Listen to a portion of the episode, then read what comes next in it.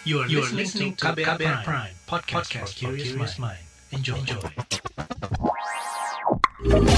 Kamu lagi dengerin What's Trending KBR Pagi. Selamat pagi dan selamat bergabung di What's Trending KBR Pagi, edisi 10 Juni 2021. Saudara Presiden Joko Widodo telah menyetujui revisi terbatas pada Undang-Undang Informasi dan Transaksi Elektronik atau ITE. Revisi itu dilakukan pada empat pasal yang dianggap bermasalah dalam undang-undang tersebut. Kepastian tersebut disampaikan Menteri Koordinator Politik Hukum dan Keamanan Mahfud MD selasa kemarin. Mahfud mengatakan tim khusus pengkaji Undang-Undang ITE sudah menyelesaikan tugas sejak dibentuk pada Februari lalu. Sementara itu, Koalisi Masyarakat Sipil belumlah puas dengan rencana revisi terbatas pada empat pasal dalam Undang-Undang Informasi dan Transaksi Elektronik atau UU ITE lantaran tidak cukup menghilangkan esensi dari pasal karet yang dipermasalahkan. Perwakilan tim koalisi masyarakat sipil mendesak pemerintah untuk mencabut pasal karet yang ada dalam Undang-Undang Informasi dan Transaksi Elektronik atau Undang-Undang ITE. Pasal-pasal ini dinilai berpotensi memenjarakan masyarakat dan multitafsir. Alasan itu disampaikan oleh Oki Wiratama Siagian, mewakili LBH Jakarta. Dan sebelum kita bahas tentang masalah ini, saya mau ajak Anda dulu untuk mendengarkan opini warganet plus 62 tentang masalah ini.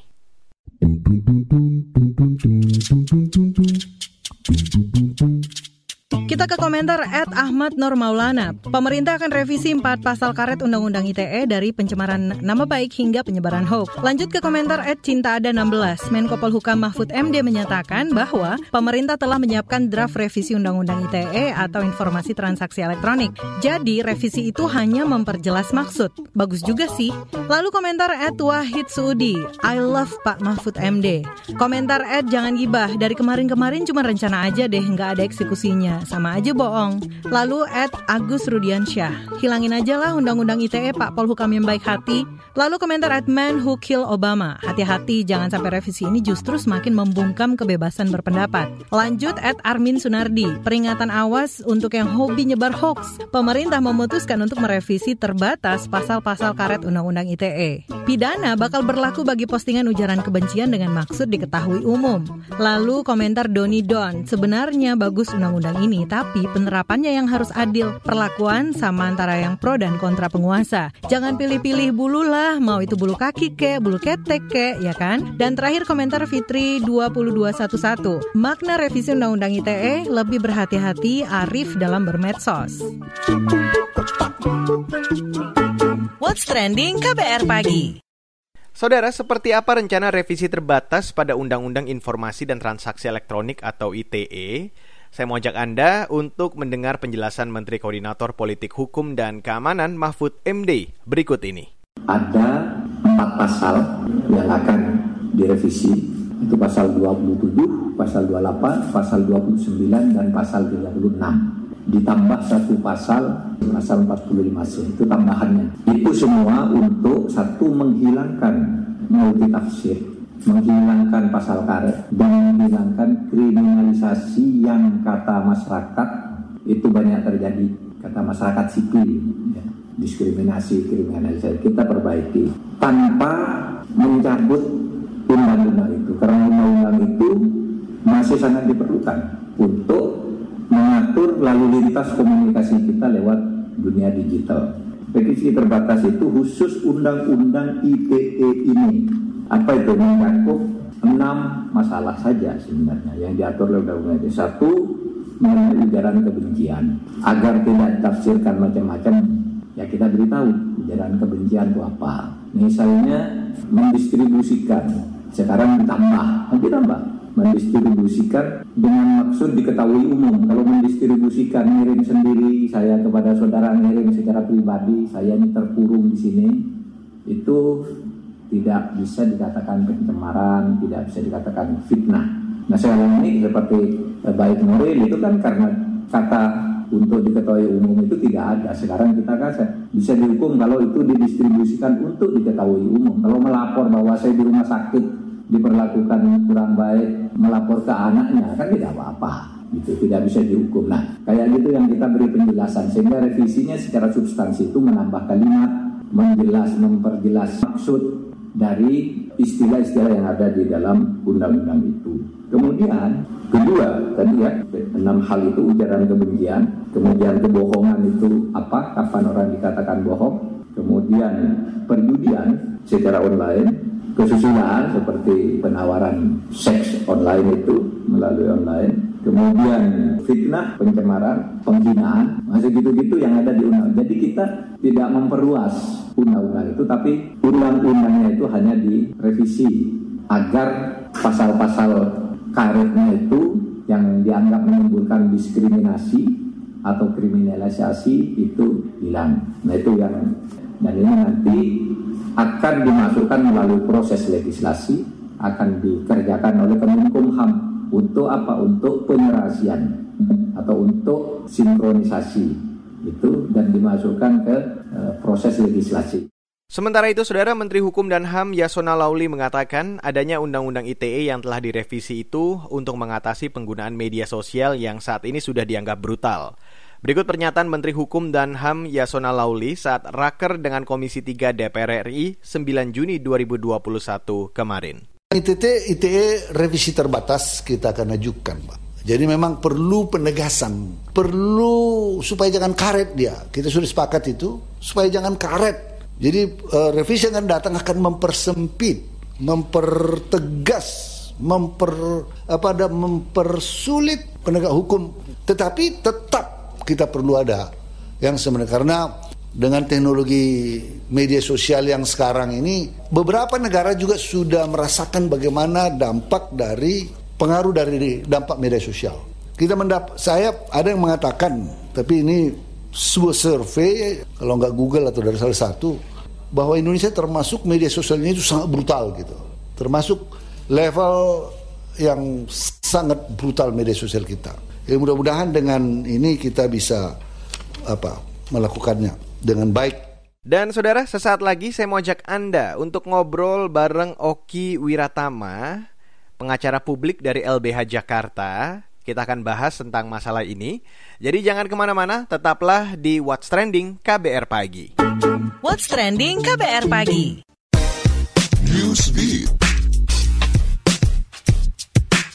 Pemerintah Arab Saudi melalui Duta Besar Kerajaan Saudi Arabia untuk Indonesia angkat suara terkait polemik peniadaan ibadah haji bagi WNI pada tahun ini. Dubes Arab Saudi untuk Indonesia Syekh Esam bin Abed Al-Takafi menegaskan bahwa hubungan diplomasi antar Indonesia dan Arab Saudi tidak bermasalah sehingga tidak mempengaruhi kebijakan terkait ibadah haji. Dubes Arab Saudi untuk Indonesia Syekh Esam bin Abed Al-Takafi menambahkan sampai saat ini kerajaan Arab Saudi bahkan belum mengirimkan undangan haji ke negara lain termasuk Indonesia. Dia beralasan hal itu dipengaruhi oleh situasi pandemi COVID-19.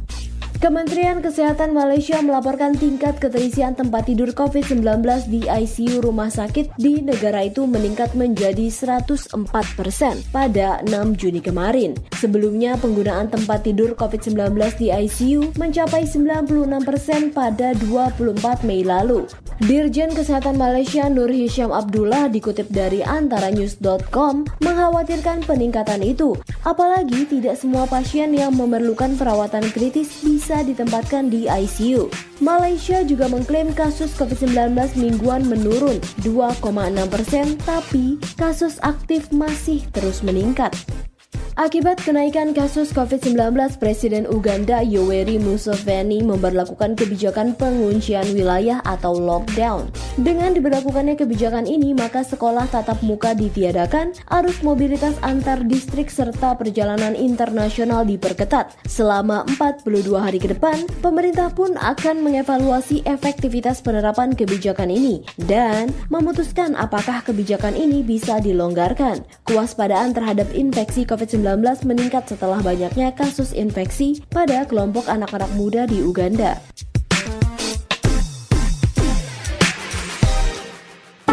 What's Trending KBR Pagi. Selamat pagi untuk Anda yang baru saja bergabung di What's Trending KBR Pagi. Saya Reski Mesanto masih terus menemani Anda. Saudara pengacara publik Lembaga Bantuan Hukum atau LBH Jakarta, Oki Wiratama menganggap revisi Undang-Undang ITE terbatas sia-sia Sebab pemerintah tidak menghapus pasal-pasal karet Undang-Undang ITE dan malah menambahkan pasal 45C terkait pemberitaan bohong. Lantas apakah revisi Undang-Undang ITE terbatas mampu menghilangkan multitafsir dan tindakan kriminalisasi? Langsung aja, saya mau ajak Anda untuk ngobrol bareng pengacara publik LBH Jakarta, Oki Wiratama. Bagaimana tanggapan Anda terkait rencana revisi empat pasal di Undang-Undang ITE? Iya, saya sudah cermati ya pernyataan Pak Mahfud ya. Ada beberapa pasal yang akan direvisi. Nah, tapi juga perlu diketahui ternyata ada penambahan pasal baru, yaitu di pasal 45C ya, yang akan mengatur pemberitaan bohong yang menimbulkan keonaran. Ini juga menurut saya sama juga bohong, dan mana gini, pasal 45C yang mengatur pemberitaan bohong ini, ini merupakan adopsi atas pasal di pasal 15 ya, di Undang-Undang nomor 1 tahun 46 tentang peraturan hukum pidana. Nah ini pasal-pasal di Undang-Undang 1 tahun 46 ini dihidupkan lagi di dalam revisi Undang-Undang ITE, dimasukkan lagi pasal 45C ini di dalam Undang-Undang ITE. Nah jadi ini yang kita menolak ya, dalam artian pada prakteknya saja pasal pemberitaan bohong yang menimbulkan keonaran itu juga sering dipakai untuk mengkriminalisasi. Kalau semangatnya undang-undang ini untuk menghentikan praktek-praktek kriminalisasi justru membuka peluang ini menurut saya seperti itu ya. Kenapa? Karena memunculkan lagi pasal yang ada di Undang-Undang 1 tahun 46 masuk ke dalam Undang-Undang ITE tambahannya tadi tuh. Nah di sini yang kami tidak sepakat ya di sini karena pasal tersebut sudah merupakan pasal di era kolonial. Kenapa hidup lagi di Undang-Undang ITE? Lalu juga di dalam pasal penambahan pasal tersebut pasal 45C itu ini dia bilang bahwa keonaran yang di, dimaksud adalah yang terjadi di ruang fisik atau nyata bukan di ruang digital. Nah ini agak aneh sementara kan Undang-Undang ITE ini kan mengatur di digital ya, dunia maya. Tapi kenapa kenapa beliau menyatakan bahwa keonaran yang dimaksud di dalam tadi pasal 45C tersebut yang ditambah bukan terjadi di ruang digital. Kan aneh gitu ya. Pasal yang lainnya, contoh pasal 27 ayat 3 ya, mengenai ITE itu kan pencemaran baik ya. Nah, ini sering dipakai memang betul pasal yang sering dipakai juga mengkriminalisasi seseorang. Nah ini di sini dibilang kan bahwa direvisi tidak jadi pidana jika dilakukan demi kepentingan umum atau terpaksa untuk membela diri gitu. Ini juga menurut kami juga aneh gitu ya. Walaupun memang putusan MK kan di dalam pasal 27 ayat 3 itu kan sudah pernah di review dan putusan MK mengatakan bahwa pasal 27 ayat 3 nya tidak boleh hilang dari jenisnya. Jenisnya itu jadi yakni pasal 310 KUHP tentang penghinaan. Jadi 27 ayat 3 tidak boleh lepas dari pasal 310 KUHP. Itu putusan MK. Mungkin arah revisi ini terkait dengan pasal 27 ayat 3 ingin menyamakan sinergika dengan putusan MK tersebut. Lalu juga ditambahkan klausula tadi itu, klausula tidak akan pidana jika dilakukan demi kepentingan umum atau terpaksa untuk membela diri itu hal yang yang seperti apa kan itu masih belum tahu implementasinya seperti apa nantinya. Apa upaya koalisi untuk mendorong penghapusan pasal karet ini? Ya, kami sebenarnya memang tujuannya 27 ayat 3, 28 ayat 2 itu arahnya bukan direvisi tapi dihapus. Karena memang sangat-sangat karet. Jadi kalau direvisi tapi dengan menambahkan klausula-klausula kalimat-kalimat yang baru ya, kami dari koalisi masyarakat sipil tegas menolak. Kalau rekomendasi dari Anda sendiri bagaimana? Pasal 27 ayat 3, pasal 28 ayat 2, itu yang sering digunakan itu bukan direvisi tapi dihapus. Dan jangan ditambahkan pasal yang lain, pasal 45C itu. Ini kan pasal 45C yang pasal yang ditambahkan ini mengadopsi yang tadi saya bilang, Undang-Undang 1 tahun 46 yang sering digunakan gitu kan. Pada praktiknya sering digunakan harusnya ini nggak ada lagi nggak usah ada penambahan pasal baru yakni pasal 45C tersebut gitu sama aja kita akan kembali ke zaman kolonial lagi sama juga bohong gitu ya artian kok dia mengadopsi pasal di di dalam undang-undang 1 tahun 46 yang jelas-jelas karet dihidupin lagi di sini jadi kita sih menolak ya itu dia Oki Wiratama, pengacara publik dari LBH Jakarta. What's trending KBR pagi? Commercial break. Commercial break. Transfer ke sini udah, bayar ini juga udah. Ke gue udah. Heh, Allah, pertumbuhan ekonomi tuh lagi melambat, persis kayak tabungan gue. Betul banget, harus matang ngelola keuangan. Pengennya tuh investasi sesuatu gitu ya. Apa gitu yang cocok dan menguntungkan? Hmm, coba dengerin uang bicara deh. Gue belakangan lagi dengerin podcast itu di KBR Prime reksadana yang tadinya 500 juta udah turun dari 250 juta sekarang 10 ribu. Sama kita ngopi mahalan mana? Ketika itu ada keputusan yang kayak begitu investor harus tahu gitu oh ada keputusan ini berarti implikasinya apa? Orang mungkin perluas literasi kamu lewat podcast uang bicara. Uang Bicara menavigasi kamu dengan menghadirkan bahasan-bahasan seru dan populer mulai dari investasi sampai kebijakan. Dipersembahkan oleh KBR Prime dan bisa didengarkan di KBR Prime, Spotify, dan platform mendengarkan podcast lainnya. KBR Prime, podcast for curious mind. What's trending KBR pagi?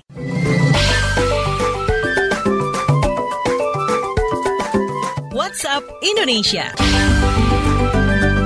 WhatsApp Indonesia kita mulai dari Papua. Dinas Pendidikan Papua mencatat vaksin COVID-19 untuk guru di Papua baru mencapai 50%. Dari total 22 ribu guru di provinsi tersebut, menurut Kepala Dinas Pendidikan Papua Christian Sohilait, vaksin terhadap guru ini menjadi syarat sebelum pembelajaran tatap muka digelar awal Juli mendatang. Christian menambahkan capaian vaksinasi guru yang tinggi di antaranya di Kota Jayapura, Kabupaten Jayapura, Mimika, dan Merauke. Menurutnya, guru di beberapa wilayah lain di Papua pun antusias divaksin sebelum proses belajar mengajar secara tatap muka kembali dilaksanakan. Dinas Pendidikan Papua meyakini persentase vaksinasi corona terhadap tenaga pengajar akan mencapai 100% sebelum sekolah kembali dibuka. Kita menuju Jakarta. Kementerian Perhubungan menyebut tren masyarakat belanja daring membuat sektor logistik berjalan selama pandemi COVID-19. Menurut Menteri Perhubungan Budi Karya Sumadi, pandemi membuat masyarakat mengurangi aktivitas di luar rumah dan melakukan belanja daring yang pengirimannya memanfaatkan layanan logistik. Menhub Budi mengakui terjadi peningkatan arus logistik tahun ini. Misalnya kata dia menjelang Idul Fitri lalu, di mana ada kenaikan 60% di layanan pengiriman langsung ke konsumen baik jasa pengiriman maupun ojek daring. Ia menambahkan sektor logistik juga menopang banyak kebutuhan masyarakat seperti konsumsi pangan maupun energi. Terakhir mampir Cilacap, mahasiswa dan pengampu praktikum STMIK Komputama Kabupaten Cilacap, Jawa Tengah mengembangkan teknologi anti maling pada kendaraan bermotor memanfaatkan teknologi pemindai sidik jari. Teknisi STMIK Komputama Gupron mengatakan inovasi ini bermula dari kegelisahan banyaknya aksi pencurian kendaraan bermotor atau curanmor. Pengamanan kunci yang sekarang lazim digunakan dianggap tidak lagi memadai dan mudah dibobol. Karena itu butuh sebuah sistem dengan akses pribadi untuk mengoperasikan kendaraan agar relatif aman dari pencurian. Atas usulan mahasiswa, tim membuat rancangan bangun kendaraan yang memanfaatkan sidik jari agar bisa jalan. Kendaraan akan menyimpan sidik jari pemilik kendaraan menggunakan tiga jari, yakni jempol untuk membuka bagasi, jari telunjuk untuk menghidupkan kontak, dan jari tengah untuk menyalakan mesin kendaraan. Teknologi ini diklaim bisa digunakan untuk mobil dan sepeda motor, meski lebih memungkinkan untuk mobil. Tiap kendaraan bisa didaftarkan untuk lima orang berbeda demi kemudahan operasional. Gufra mengemukakan perwarupa kendaraan tersebut sudah rampung dikerjakan dan bisa dioperasikan seperti rencana. Dalam waktu dekat, inovasi ini akan diperkenalkan kepada pabrikan dan bengkel-bengkel kendaraan agar bermanfaat untuk masyarakat. STMIK juga akan menggandeng kepolisian untuk mengembangkan teknologi anti maling tersebut. Demikian WhatsApp Indonesia hari ini.